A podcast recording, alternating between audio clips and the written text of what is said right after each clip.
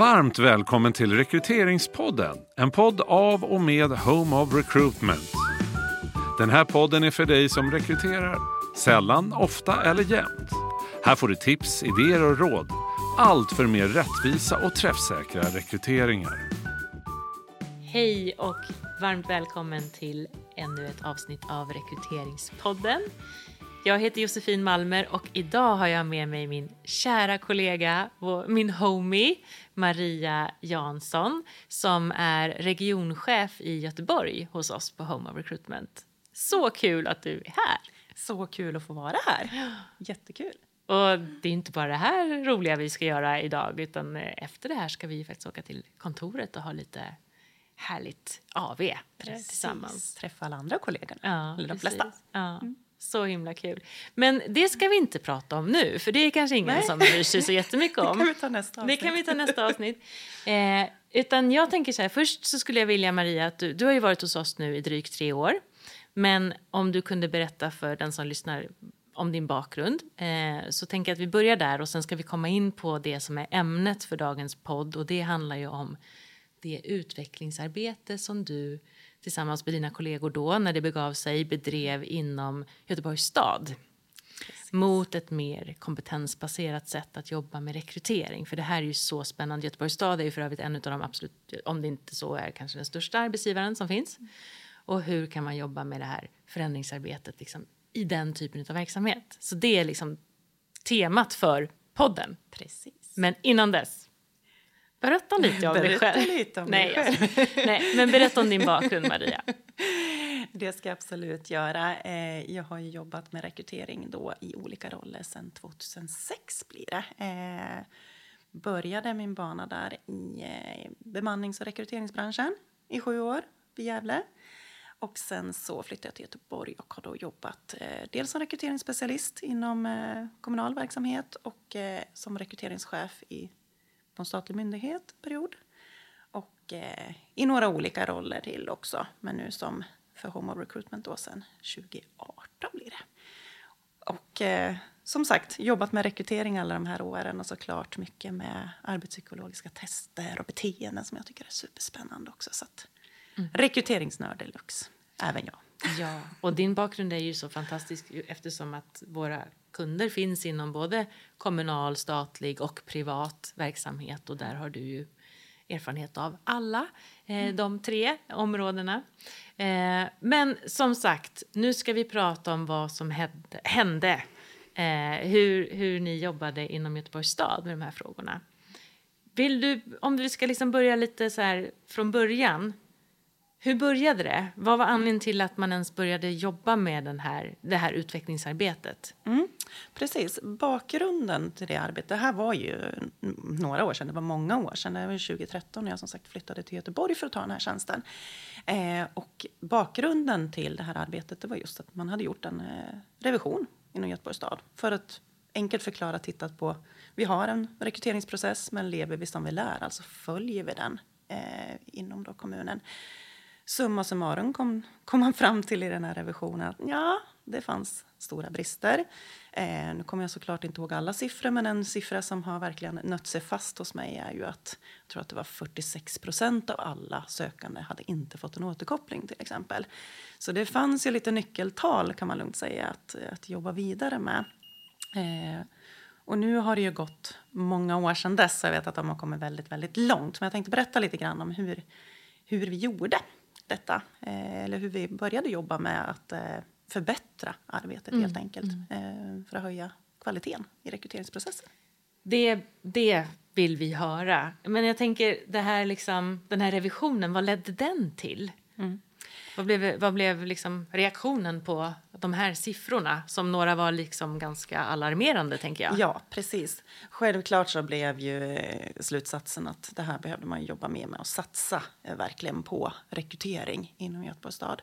Eh, så att starten blev ju ett pilotprojekt. Det var två stadsdelar där som valdes ut till att få medel till flera resurser helt enkelt. Där jag var en, en av rekryteringsspecialisterna som anställdes tidigare hade det här skötts, rekryteringsstödet skötts av HR-generalisterna och de har ju som vi alla vet, väldigt många olika frågor på sitt bord där rekrytering bara blir en av dem. Då, så, att säga.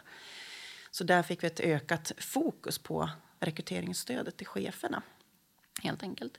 Eh, och jag anställdes då i en av de här stadsdelarna. Vi var två personer då. Eh, och i den förvaltningen bara så hade vi 120 chefer som vi stöttade. I hela Göteborgs stad så var det ju flera tusen chefer Ja. eh, som jobbar med rekrytering. Då. Så att, för att nämna lite siffror så i bara våra förvaltning tror jag vi hade 400 rekryteringar och cirka 250 annonser ute på ett år. Så att det var ju liksom hög omsättning helt enkelt. Det, det låter det som. Och två resurser då för att stötta cheferna. I det tänker jag att cheferna var involverade i väldigt mycket. Såklart. Annars är det ju inte alls eh, Nej. hållbart. Nej, precis. Så som vi la upp det då och som jag vet att många organisationer också jobbar när det gäller rekryteringsstödet är just att lägga fokus då på chefsrekryteringar eller mer strategiska tjänster där vi stöttade upp mer och var med och höll intervjuerna till exempel med cheferna. Men i de allra flesta rekryteringarna av till exempel förskollärare, undersköterskor och så vidare så skötte ju rekryter- eller rekryterande chefer det allra mesta arbetet själva.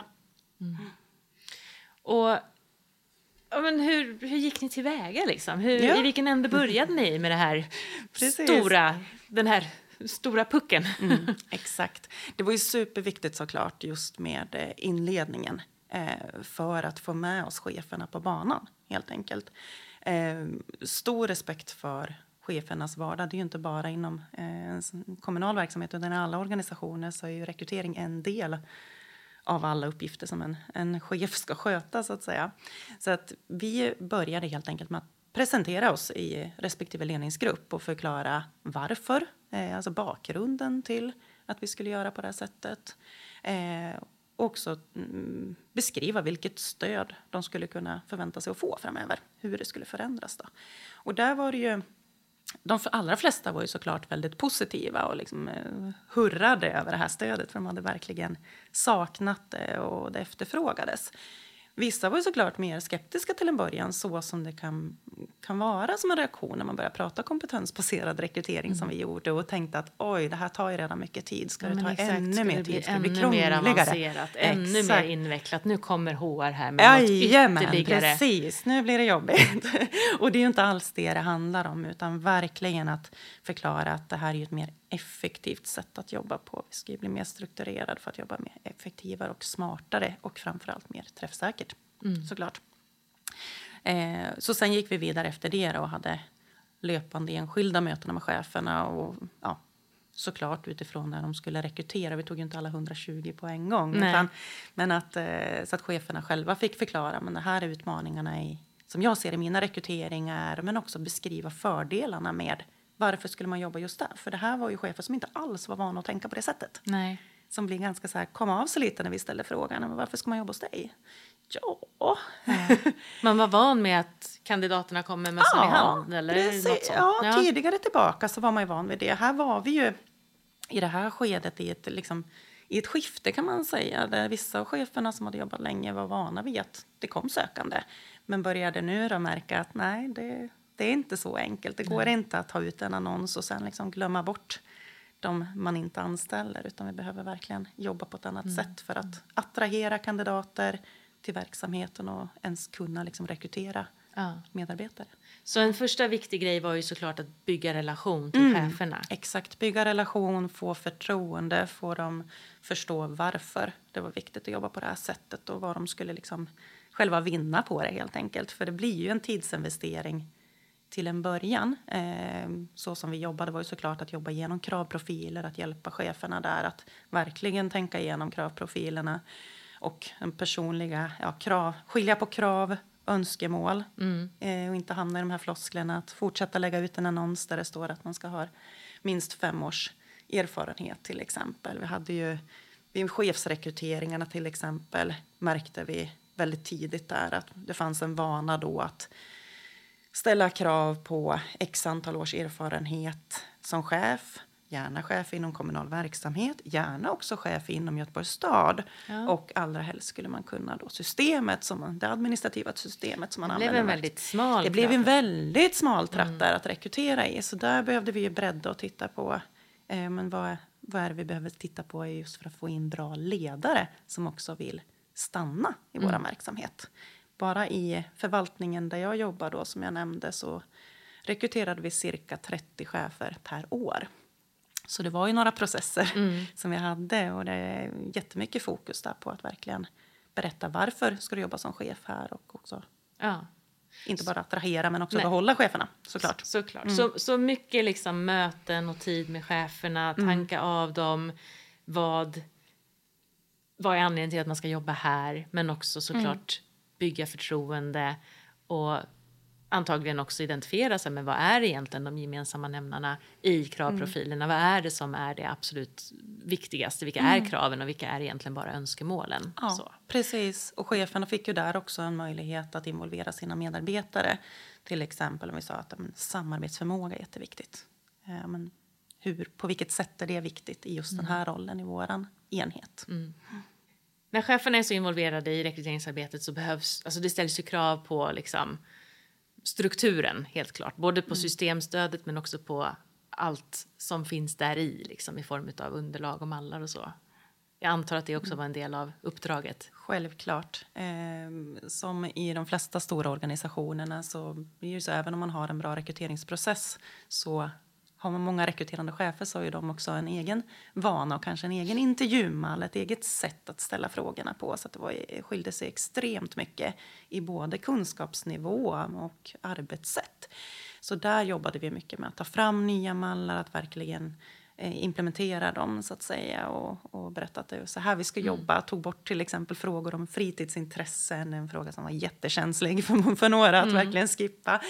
Eh, men verkligen såg över eh, mallar utifrån ett eh, kompetensbaserat arbetssätt. Då.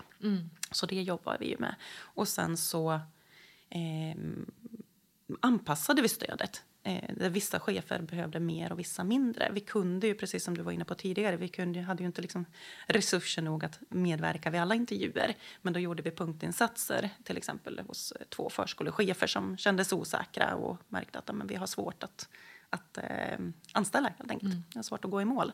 Där medverkar vi ju kanske en eller två intervjuer då, för att höja deras kompetens. Så det handlar ju om att göra cheferna tryggare i sitt egna rekryteringsarbete. Det Verkligen. Det, det är ju... Den här liksom utbildningsinsatsen kan ju ske på många olika sätt, tänker jag. Det där är ju en väldigt schysst service man får på det Ja. viset. Eh, när, när man kommer och får en, en, eh, H- eller en rekryteringsspecialist som sitter med. Precis. Hade ni andra utbildningsinsatser också? Mm. Vi gjorde också utbildningsinsatser i grupp. Eh, Vi hade även, eh, som vi kallade workshop, minns jag, där vi jag höll en liten kort utbildning men där cheferna fick ta med sig datorn själv och liksom få jobba aktivt med sina rekryteringsprocesser så att det blev liksom en, en verkstad av det också där vi fanns på plats då och eh, svarade på frågor. Så det är ju främst en, en löpande, dels utbildningstillfälle men också en löpande utbildning för cheferna för det här jobbar vi med under eh, det var ett pro- pilotprojekt till en början men vi jobbar med det under några år så att säga med att verkligen drilla in det här arbetssättet då. Och under de här åren, vad skulle du säga, liksom, vad var de största utmaningarna? Vad var svårast? Det svåraste är ju chefernas eh, stressade vardag, helt enkelt. Även om viljan finns så, så blir det en, en stress, helt enkelt. Och det, det som, som jag brukar ha som utgångsläge när jag samarbetar med, med rekryterande chefer det är just att visa en stor ödmjukhet inför det. Men att också trycka på vikten, återigen, att, att eh, på det här sättet så jobbar vi mer effektivt. Det handlar inte om att det ska bli krångligare på något sätt utan vi ska jobba smartare för att hitta rätt kompetens till verksamheten. Eh, Och också öka möjligheten att den personen som vi rekryterar trivs och vill vara kvar om vi hittar rätt person. Så hela tiden fokus på det.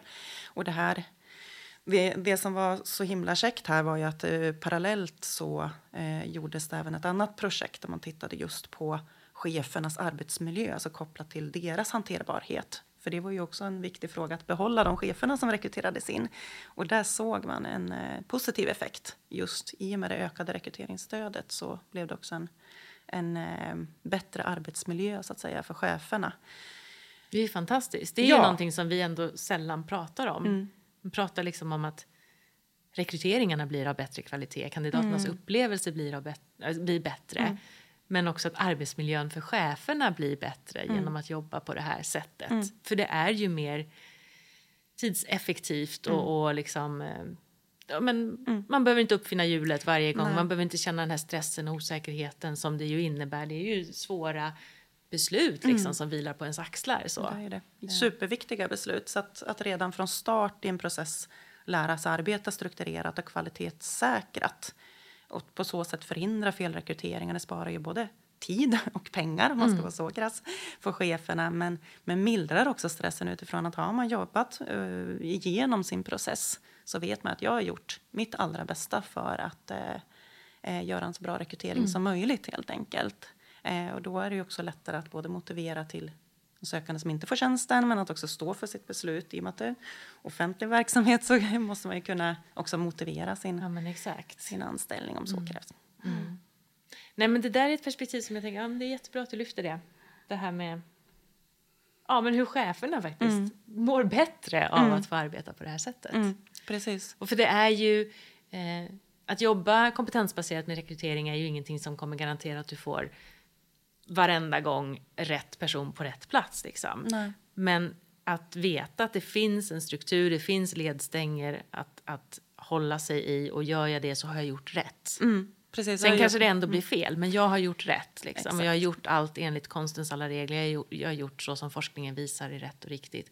Och sen kan jag vila i det. Liksom. precis. Det är faktiskt väldigt... Precis, och precis så brukar jag säga fortfarande när jag utbildar chefer. Just att vi, vi kommer inte att komma till det läget där vi blir 100 procent liksom träffsäkert. eh, Men vi kan göra vårt allra bästa för att öka träffsäkerheten eh, och känna oss trygga i det. Och ha valida verktyg som vi jobbar med istället för att vi screenar på CV och liksom gissar oss fram och gör antaganden och hoppas på att det blir bra. Eller känner igen oss och hoppas att det blir bra. Så det handlar ju mycket, mycket om det också. Känslan av att göra rätt hos en chef mildrar ju också stressen. Verkligen. Toppen. Så det svåraste, tidspressen, de stressade cheferna. Det skulle jag säga, verkligen. Ja. Så vissa, vissa var ju nya chefer och bara hungriga och ville lära sig allt, allt, allt. Liksom. Medan andra chefer kanske tar några år, helt enkelt, några olika rekryteringsprocesser. Eh, att liksom verkligen eh, jobba in liksom, varför man ska jobba på det här sättet. Så att det är till alla, alla där ute som jobbar just med eh, rekryter, rekryteringsstöd till rekryterande chefer. Liksom, hang in there. Det, det, det är ju inte en förändring som man kan vänta sig sker över en natt. Liksom, utan att verkligen fira de små framstegen till att vi gör jobbet lite, lite bättre.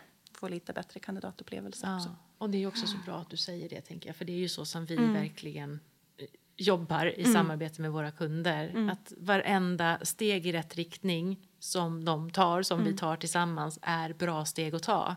Och inte invänta liksom de här sju mila kliven som vi ju såklart helst vill göra. Men alla de här små pytte, pyttestegen är toppenbra. Ja. Och tänk vilken effekt det också har när man i en sån jättestor organisation bara, bara säger jag inom citationstecken, men liksom bara lyfter alla en, li, ett litet snäpp upp. Liksom. precis. En enorm kraft det finns i det. Det är ju det. Det är ju det som är utmaningen just i stora organisationer. Att det är ju, även om HR-avdelningen eller rekryteringsenheten beroende på hur man nu är organiserad eh, går utbildning i kompetensbaserad intervjuteknik till exempel och blir jätteslipade och vässade så är det ju fortfarande väldigt många olika rekryterande chefer och det är de som i sin tur har den här kandidatkontakten som är så otroligt avgörande och som avgör hur den här kandidaten uppfattar just den här arbetsgivaren.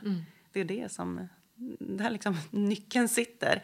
Så att, eh, att höja kompetensnivån hos alla eh, som rekryterar. För det är ju så, många organisationer säger sig jobba kompetensbaserat. Men när vi kanske ställer några frågor eller tittar lite närmare på det så ser man att ja, det är inte riktigt så. Utan det behövs, eh, man behöver jobba med det i så många olika steg för att verkligen få varenda person som jobbar med rekrytering att förstå det här. Varför? Bra. Sista frågan då, tänker jag. Om vi nu ska intervjua lite hyfsat kompetensbaserat i den här intervjun här också. Ja.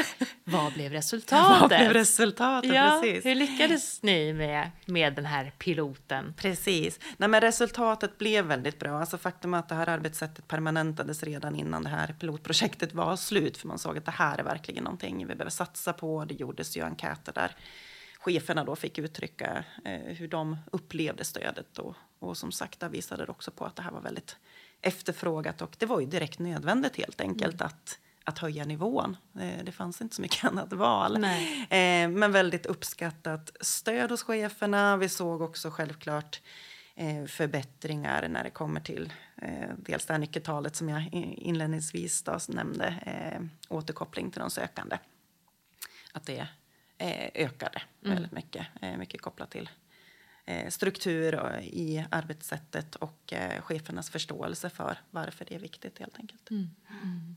Sen var det ju massa, massa andra eh, bitar som vi också såg såklart att det blev bättre. Men för att nämna något och egentligen det viktigaste eh, så såg vi klara förbättringar. Mm. Nu har jag inte förberett dig på den här frågan, Maria. Spännande. Men jag tänker att den är inte så svår ändå. Mm. Eh, om du skulle ge liksom några tips, ibland ber man om tre tips, men det behöver inte vara tre, de kan vara två eller fyra också. Mm. Eller en.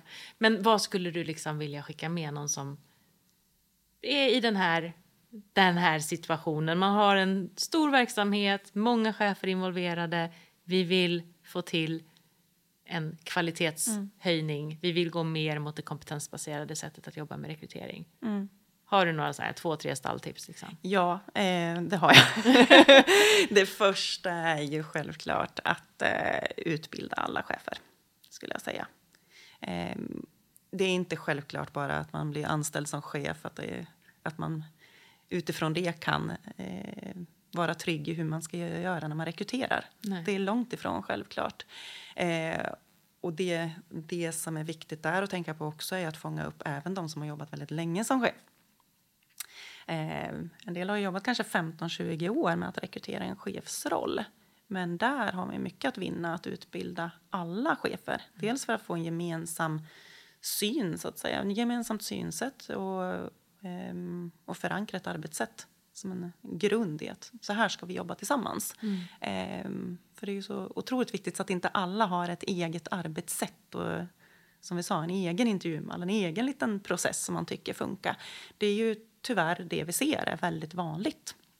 Man kör på det som man är bekväm i, så att säga. Mm.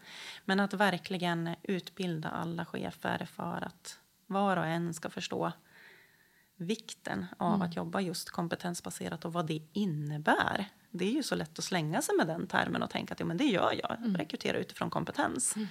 Men eh, hur man ska göra, mm. att säga. och mm. varför som sagt. Mm. Det är, varför har jag sagt många gånger, men ja. det, det, är just nyckeln för att förstå eh, förstå liksom varför man ska investera den tiden. I. Mm. Men nu, så att utbilda alla som jobbar med rekrytering skulle jag säga är nyckeln. Eh, och där är det ju många, många som jobbar med det, men att ge liksom verkligen tillfälle till eh, cheferna att reflektera kring det här och kanske också få diskutera med sina kollegor. Mm. Bra. Har du fler tips? Annars tycker jag det där ja, är mitt främsta det, tips också. Ja, precis. Mm. Och, och, det viktigaste tipset skulle jag vilja säga. Men sen är det ju olika hur, hur, hur pass mycket man kan jobba med rekryteringsstöd till chefer så att säga. Det här kan man ju stötta upp såklart på olika sätt. Men där ser det ju naturligtvis olika ut i ja. olika organisationer. Mm. Um, så att... Uh, Ja, det beror på vad man har för resurser. Men oavsett tänker jag att liksom fokusera på att få chefen att förstå varför mm. och sen hur man då gör. Och jag mm. upplever att många blir ganska så här, jaha, men vad skönt att det finns ett sätt liksom. Mm, mm. Eh, det finns en, en, en, process för det här, det finns en struktur. Jag behöver inte googla intervjufrågor, jag mm. behöver inte uppfinna hjulet själv, jag behöver inte förlita mig på min mage utan det finns mm. ett bra sätt. Och tack. Liksom. Mm. Det är väldigt uppskattat, mm. eh, i min erfarenhet. Ja, ja, Precis, precis. Alla har vi olika rekryteringsmetoder men det finns de som är mindre lämpade och de som är bättre och bevisat ja. mer träffsäkra. Och det är precis. de senare vi bör använda oss av. Stort tack Maria för tack. att du ville dela med dig av det här fantastiska arbetet som du gjorde innan dess att du kom till oss. Sen hade jag lite andra saker där också. men, eh, men nu känner jag att det är dags för oss att gå tillbaka till kontoret Precis. och träffa alla andra. Eh, är det så att man har några frågor efter att ha lyssnat på det här eller man vill komma i kontakt med Maria eller mig för den delen, men vill man prata med Maria så når man dig på maria.jansson at homeofrecruitment.se. Så på så vis så kommer du i kontakt med Maria och annars så tänker jag att eh, vi finns också på LinkedIn. Vi hörs igen om två veckor. Tack och hej! Du har hört en podd av Home of Recruitment. Om du vill komma i kontakt med oss, skicka ett mejl till info at homeofrecruitment.se. Podden är producerad av Septemberfilm.